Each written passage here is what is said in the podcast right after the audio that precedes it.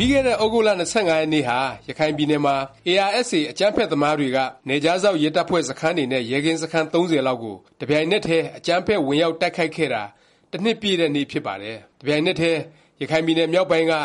-၆ သိန်းလောက် အရည်အတွက်ရှိမယ့် မူဆလင်တွေ အိမ်နီးချင်း ဘင်္ဂလားဒေ့ရှ်နိုင်ငံထဲ ထွက်ပြေးခဲ့ရတဲ့ ဖြစ်စဉ်ကြီး ဖြစ်ခဲ့တာလည်း တစ်နှစ်ပြည့်တဲ့နေ့ ဖြစ်ပါတယ်။ဒီ တစ်နှစ်တာကာလအတွင်း အဲဒီ ပြသနာနဲ့ ပတ်သက်ပြီး မြန်မာအစိုးရနဲ့ မြန်မာ့တပ်မတော်ဘက်က ဘယ်လို ကိုင်တွယ်ခဲ့တယ်၊ ဘယ်လို အကျိုးရလာဒ်တွေ ရခဲ့တယ်၊ပြသနာ ပြေလည်ရေး အတွက် ဘယ်လို လုပ်ကိုင်ဆောင်ရွက်သင့်တယ် ဆိုတာကို ပြန်စဉ်းစား သုံးသပ်ဖို့ ကောင်းတဲ့ အချိန်လည်း ဖြစ်ပါတယ်။ခုတစ်ပတ် အဲဒီအကြောင်း လေ့လာ ဆွေးနွေး တင်ပြသွားပါ့မယ်။ပြီးခဲ့တဲ့ ၂၀၁၇ သြဂုတ်လ ၂၅ ရက်နေ့ လင်းအားကြီးအချိန် ရခိုင်ပြည်နယ်မြောက်ပိုင်း မောင်တောဘက်မှာ ARSA အကြမ်းဖက်သမားတွေဟာ နယ်ခြားစောင့် ရဲတပ်ဖွဲ့စခန်းတွေနဲ့ ရဲကင်းစခန်း ၃၀ လောက်ကို တစ်ပြိုင်နက်တည်း စီးနင်းတိုက်ခိုက်ခဲ့ပါတယ်။ ARSA အဖွဲ့အတွက် ဒီတိုက်ခိုက်မှုဟာ ပထမဆုံးအကြိမ် တိုက်ခိုက်မှုတော့ မဟုတ်ပါဘူး။ ၂၀၁၆ အောက်တိုဘာ ၉ ရက်နေ့တုန်းကလည်း နယ်ခြားစောင့် ရဲတပ်ဖွဲ့ဌာနချုပ်နဲ့ အခြား စခန်းနှစ်ခု စုစုပေါင်း စခန်း သုံးခုကို အခုလိုပဲတစ်ပြိုင်နက်တည်း အကြမ်းဖက် ဝင်ရောက်တိုက်ခိုက်ခဲ့ပါသေးတယ်။အဲလို ဝင်ရောက်တိုက်ခိုက်မှု လုပ်ပြီး ၁၀ လ နီးပါးအကြာမှာ အဲဒီအချိန်တုန်းကထက် တိုက်ခိုက်သူ လူအများကြီးပါဝင်တဲ့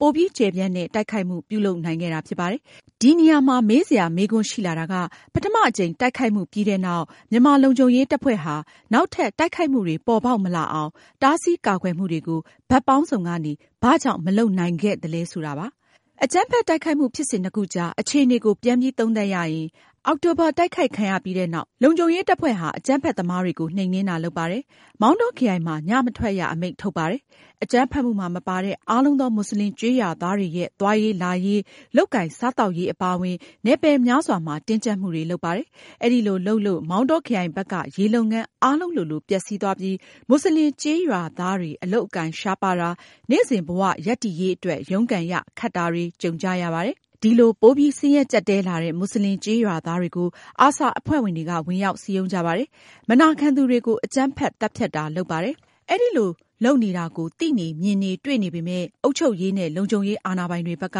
အကာအကွယ်ပေးတာ ဘာမှ မလုပ်နိုင်ခဲ့ပါဘူး။ဒီလိုနည်းနဲ့ ပိုပြီး များပြားတဲ့ ကျေးရွာသားတွေကို စည်းရုံးမိပြီး ARSA ဟာ အကြမ်းဖက်မှုကို ပထမ တစ်ကြိမ်တုန်းကထက် ကျယ်ကျယ်ပြန့်ပြန့် လုပ်နိုင်ခဲ့တာ ဖြစ်ပါတယ်။ဒုတိယတစ်ကြိမ် အကြမ်းဖက်မှုဖြစ်တော့ တပ်မတော်က ပိုပြီး ပြင်းထန်တဲ့ နှိမ်နင်းမှုနဲ့ တုန့်ပြန်ပါတယ်။ အကြမ်းဖက်မှု ဖြစ်ပွားပြီး နောက်ရက်ကနေ သြဂုတ်လ ၃၀ ရက်နေ့အထိ ၅ ရက်လောက်အတွင်း အကြမ်းဖက်သမား ၃၇၀ လောက် သေကြေတယ်လို့ တပ်မတော်ဘက်က သတင်းထုတ်ပြန်ပါတယ်။ဒီအရည်အတွက်ဟာ ၂၀၁၂ ခုနှစ်က စပြီး ဖြစ်ပွားခဲ့တဲ့ ရခိုင်ပြည်နယ်က ဘာသာရေး လူမျိုးရေးဆန်တဲ့ အကြမ်းဖက်မှု ပဋိပက္ခတွေအတွင်း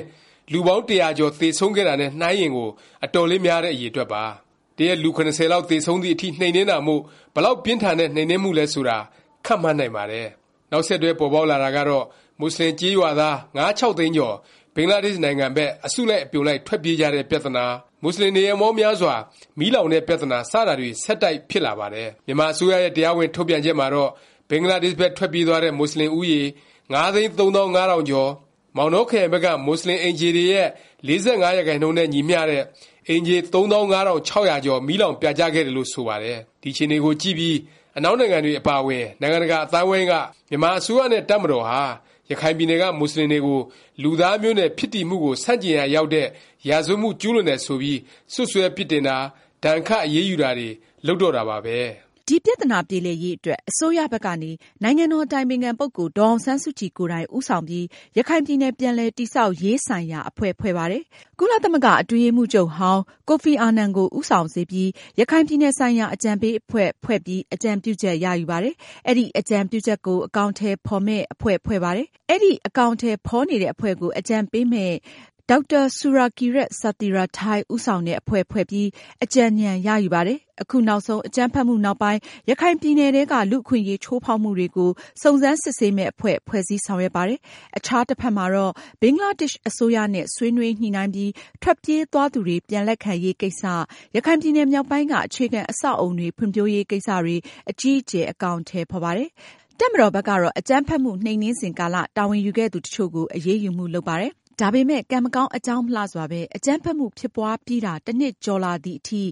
၅သိန်း ၆သိန်းလောက်ရှိမယ့် ဒုက္ခသည်တွေထဲက နှစ်နိုင်ငံသဘောတူညီချက်နဲ့ ပြန်လာသူ တဦးတလေမှ မရှိသေးပါဘူး။မူဆလင်တွေ အစုလိုက်အပြုံလိုက် ထွက်ပြေးသွားရတာ၊သူတို့နေအိမ် အမြောက်အများ မီးလောင်ပျက်စီးကုန်တာ၊လူ့အခွင့်အရေး ချိုးဖေါက်ခံရတာ စတာတွေကို အရင်းတည်ပြီး နိုင်ငံတကာ အသိုင်းအဝိုင်းရဲ့ ဖိအားတွေလည်း လျော့ကျသွားတာ မတွေ့ရသေးပါဘူး။ဒီထက် ပိုအရေးကြီးတာက ရခိုင်ပြည်နယ်မြောက်ပိုင်းနဲ့ ရခိုင်ပြည်နယ်ထဲက ပဋိပက္ခဖြစ်ပွားရာ ရေခံမြေခံ ပြသနာတွေ လျော့ပါးသွားအောင် မစွမ်းဆောင်နိုင်သေးတာပါ။ မောင်တောခရိုင်ဘက်က ထွက်မပြေးပဲ ကျန်ခဲ့တဲ့မူဆလင်တွေ နေရေးထိုင်ရေး၊စားရေးသောက်ရေး၊ဘဝရပ်တည်ရေး အဆင်မပြေကြသေးသလို၊အခြားမြို့နယ်ကမူဆလင်တွေကလည်း ရခိုင်ပြည်နယ် အပြင်ဘက် ခိုးထွက်ဖို့ ကြိုးစားရင်း လူကုန်ကူးတာ ခံနေကြရပါတယ်။ဒါ့အပြင် လူမျိုးရေး၊ဘာသာရေး မုန်းတီးမှု ပဋိပက္ခ ပြသနာကလည်း ပြေလျော့မသွားသေးပါဘူး။ခြုံပြီးပြောရရင် မြန်မာအစိုးရနဲ့ တပ်မတော်ဘက်က ပြသနာကို ကိုင်တွယ်ဖြေရှင်းနေတာတွေမှာ အောင်မြင်မှု ရမနေပါဘူး။တကယ်တော့ ပြသနာတွေ ဖြေရှင်းရာမှာ အရေးအကြီးဆုံး အချက်က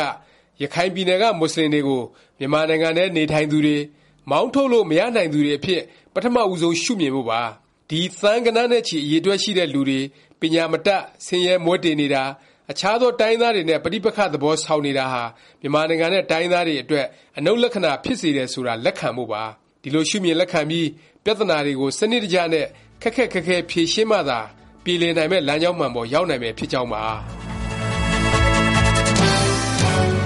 Thank you.